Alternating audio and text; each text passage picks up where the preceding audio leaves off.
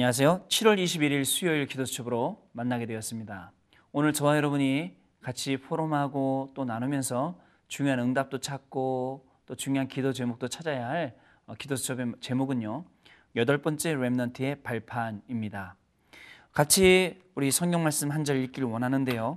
디모데 후서 2장 1절부터 7절 말씀 중에 오늘 1절, 2절 말씀을 같이 찾아서 읽도록 하겠습니다. 내 아들아, 그러므로 너는 그리스도 예수 안에 있는 은혜 가운데서 강하고 또 내가 많은 증인 앞에서 내게 들은 바를 충성된 사람들에게 부탁하라. 그들이 또 다른 사람들을 가르칠 수 있으리라. 아멘. 성경 속 일곱 명의 렘넌트들은요, 성령 충만의 힘을 가지고 있었습니다.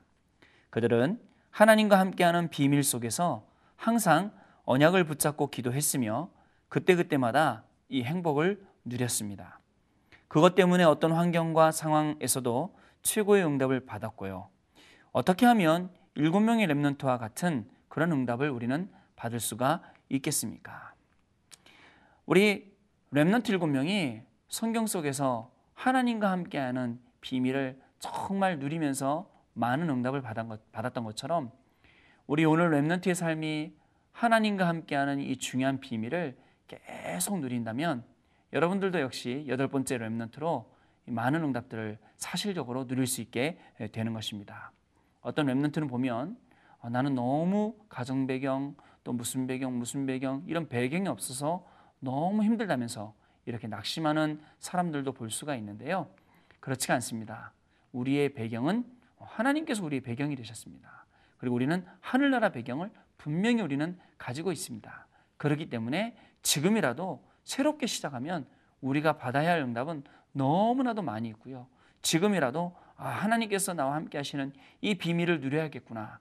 하나님께서 나와 함께 하신 이 비밀을 누리는 것이 성령 충만이구나. 이 성령 충만의 힘을 내가 받아야겠구나. 라고 하나님 앞에 성령 충만을 달라고 기도하면 여러분들은 분명히 Remnant 일곱 명처럼 그리고 여덟 번째 Remnant로서 당연히 이 많은 응답들을 누리게 되는 것입니다.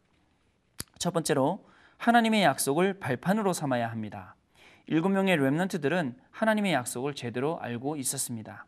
이들은 이스라엘 백성의 고통이 끊이지 않고 반복되는 이유를 알고 민족의 어려움과 고통을 통해 하나님의 소원인 세계복음화를 자신의 언약으로 붙잡았습니다. 그렇습니다. 이 시대에 일어나는 많은 영적인 문제들 그리고 나와 우리 집안에 와 있는 많은 문제들 이걸 보면서 우리는 정말 세계복음화와 하나님의 언약과 이 중요한 내용들을 더욱더 정확히 알 수 있는 것입니다. 그렇기 때문에 우리는 오늘도 하나님의 말씀 속으로 들어가고 하나님 주신 이 기도의 비밀 속으로 들어갈 수 있게 되는 것입니다. 이리 할 때에 하나님께서 주시는 영원한 응답들, 하나님의 위대한 역사들을 우리는 볼 수 있게 되는 것입니다. 언약을 붙잡은 렘넌트들은 죽음을 두려워하지 않을 정도로 이유를 깨달았고요. 그 일을 실천하는 데 있어서 어떤 핑계도 되지 않았습니다. 우리 주변에는 너무나도 핑계될 게 많습니다. 우리 너무나도 피해가 피해갈 수 있는 것들이 너무나도 많이 있습니다. 그러나 우리 렘넌트들은요 그렇지 않습니다. 정말 우리 렘넌트들은 오늘부터 렘넌트답게 하면 됩니다. 렘넌트답게 주변에 정말 어지러진 것도 먼저 치울 줄도 알고 우리 렘넌트들이 교회 예배당에 지나간 자리들은 너무나도 스스로 깨끗하게 싹 치우고 어, 이렇게 살아야 되는 것입니다. 어, 우리 렘넌트들에게 예, 정말 어, 이 중요한 세계복음화에 하나님이 주신 이 언약들이 오늘도 가슴 깊이 새겨지고 또 이것 때문에 언약 붙잡은 렘넌트로 오늘 하루 종일 승리하게 되는 귀한 축복이 시작될 줄로 믿습니다. 두 번째, 디모데 후서 2장 1절에서 7절의 발판을 분명히 가져야 합니다. 영적인 군사는 예수가 그리스도 되심과 그분이 모든 문제를 끝냈다는 확신을 가진 사람입니다. 그리스도와 하나님의 나라를 누리고 성령 충만을 기다리며 기도하고 세계 복음화의 미래를 보는 사람이 바로 영적인 군사인 것입니다. 경계하는 자는 성령의 내주와 성령의 인도와 성령의 충만의 이 법을 가지고 선한 싸움을 싸우는 사람을 의미합니다. 농부는요, 마땅히 내려주시는 하나님의 축복을 누리며 사람을 살리는 사람을 의미합니다. 이 비밀을 굳게 붙잡고 발판으로 삼으면 응답을 받게 되는 것입니다. 여러분들은 영적인 군사요, 또 영적인 경계하는 자요, 영적인 농부요, 이 중요한 축복을 이미 다 받은 사람들입니다. 하나님께서는요, 우리의 과거도 다 해결해 주셨고, 우리의 미래도 완벽하게 보장하셨습니다. 오늘 하나님이 주시는 이 중요한 응답을 여러분들 삶 속에서 찾을 수만 있다면 정말 우리가 누려야 할 것과 우리가 받아야 할 응답들은 너무나도 무궁무진하고 위대한 하나님의 역사가 되는 것입니다. 이 중요한 응답들을 받고 찾고 이 중요한 응답들을 누리게 되는 귀한 하루가 분명히 되실 줄로 믿습니다. 세 번째, 범사를 발판으로 만들어야 합니다. 범사에 청명을 주시겠다는 말씀은 걱정을 모두 버리고 이미 와 있는 응답을 위해 기도로 도전하라는 말씀입니다. 그렇습니다. 걱정 이런 이미 사서 미리 사서 할 필요가 없습니다. 일단 죽게 맡겨 버리라라고 말씀하셨으니 우리는 맡겨 버리면 됩니다. 버리는 것입니다. 다시 가지는 것이 아닙니다. 그때 하나님께서 분명히 큰 힘을 주시고 또 우리는 버리고 또 기도로 도전을 하면 중요한 응답들 계속 받게 되는 것인데요. 오늘을 최고로 만드는 정식 기도를 통해서 응답을 받고 도전하면 모든 일에 집중을 할 수 있게 되겠죠. 그리고 그것 때문에 새로운 응답을 받게 되는 것입니다. 오늘을 최고로 만드는 귀한 렘넌트의 삶이 오늘 새롭게 시작되기를 바라고요. 말씀을 묵상하고 깊은 기도 속으로 들어가면 놀라운 응답을 받게 될 것입니다. 말씀을 묵상한다는 이 말 정말 우리 렘넌트들이 너무 깊게 그리고 너무 자세히 알았으면 좋겠습니다.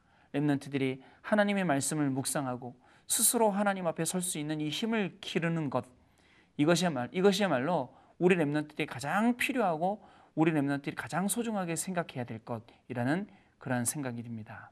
오늘 렘넌트들이 하나님의 말씀을 묵상하면서 오늘 나에게 주시는 말씀이 무엇이구나를 찾을 수 있다면 그리고 그 말씀을 삶 가운데 누릴 수 있다면 우리 렘넌트의 삶이 어떻게 되겠습니까? 오늘도 그 말씀을 누리면서 모든 만남을 누리고 모든 현장을 누리면서 정말 제자도 찾고 현장에 중요한 지교의 문도 열게 되는 그런 귀한 하루가 분명히 될 줄로 믿습니다. 오늘 포럼의 주제입니다. 생명을 바쳐도 아깝지 않을 하나님의 약속을 품고 있습니까? 세 가지 발판을 축복을 가지고 하나님의 영광을 위하여 최고로 도전하는 응답을 받아 보세요. 오늘 이 세 가지 발판을 발판 삼아서 오늘도 여러분에게 주어진 모든 환경 가운데 낙심하지 말고 최고로 도전하여 하나님이 주시는 최고의 응답을 받고 정말 그리스도가 그리스도 되시고 그리스도가 여러분 모든 현장의 주인 되시는 이 사실적인 응답을 체험하는 그리고 이 응답을 가지고 증인으로 정말 그리스도의 복음을 증거하게 되는 귀한 렘넌트 하루가 될 줄로 믿습니다. 기도하겠습니다. 살아계신 하나님 아버지 감사를 드립니다. 하나님의 약속을 발판 삼을 귀한 여덟 번째 렘넌트로 우리를 불러 주시니 감사를 드립니다. 오늘 정말 농부로 그리고 경계하는 자로 그리고 군사로 부르신 하나님께서 우리에게 최고의 이 세 가지 응답이 발판으로 되어지는 귀한 하루가 시작되도록 주께서 성령으로 역사하여 주옵소서. 이것을 발판 삼고 일어서는 렘넌트마다 정말 하나님이시는 큰 응답을 가지고 땅 끝까지 이 주의 복음을 증거하게 되는 귀한 하루가 되도록 주의 성령께서 역사하여 주옵소서. 우리 주 예수 그리스도 이름으로 기도드립니다.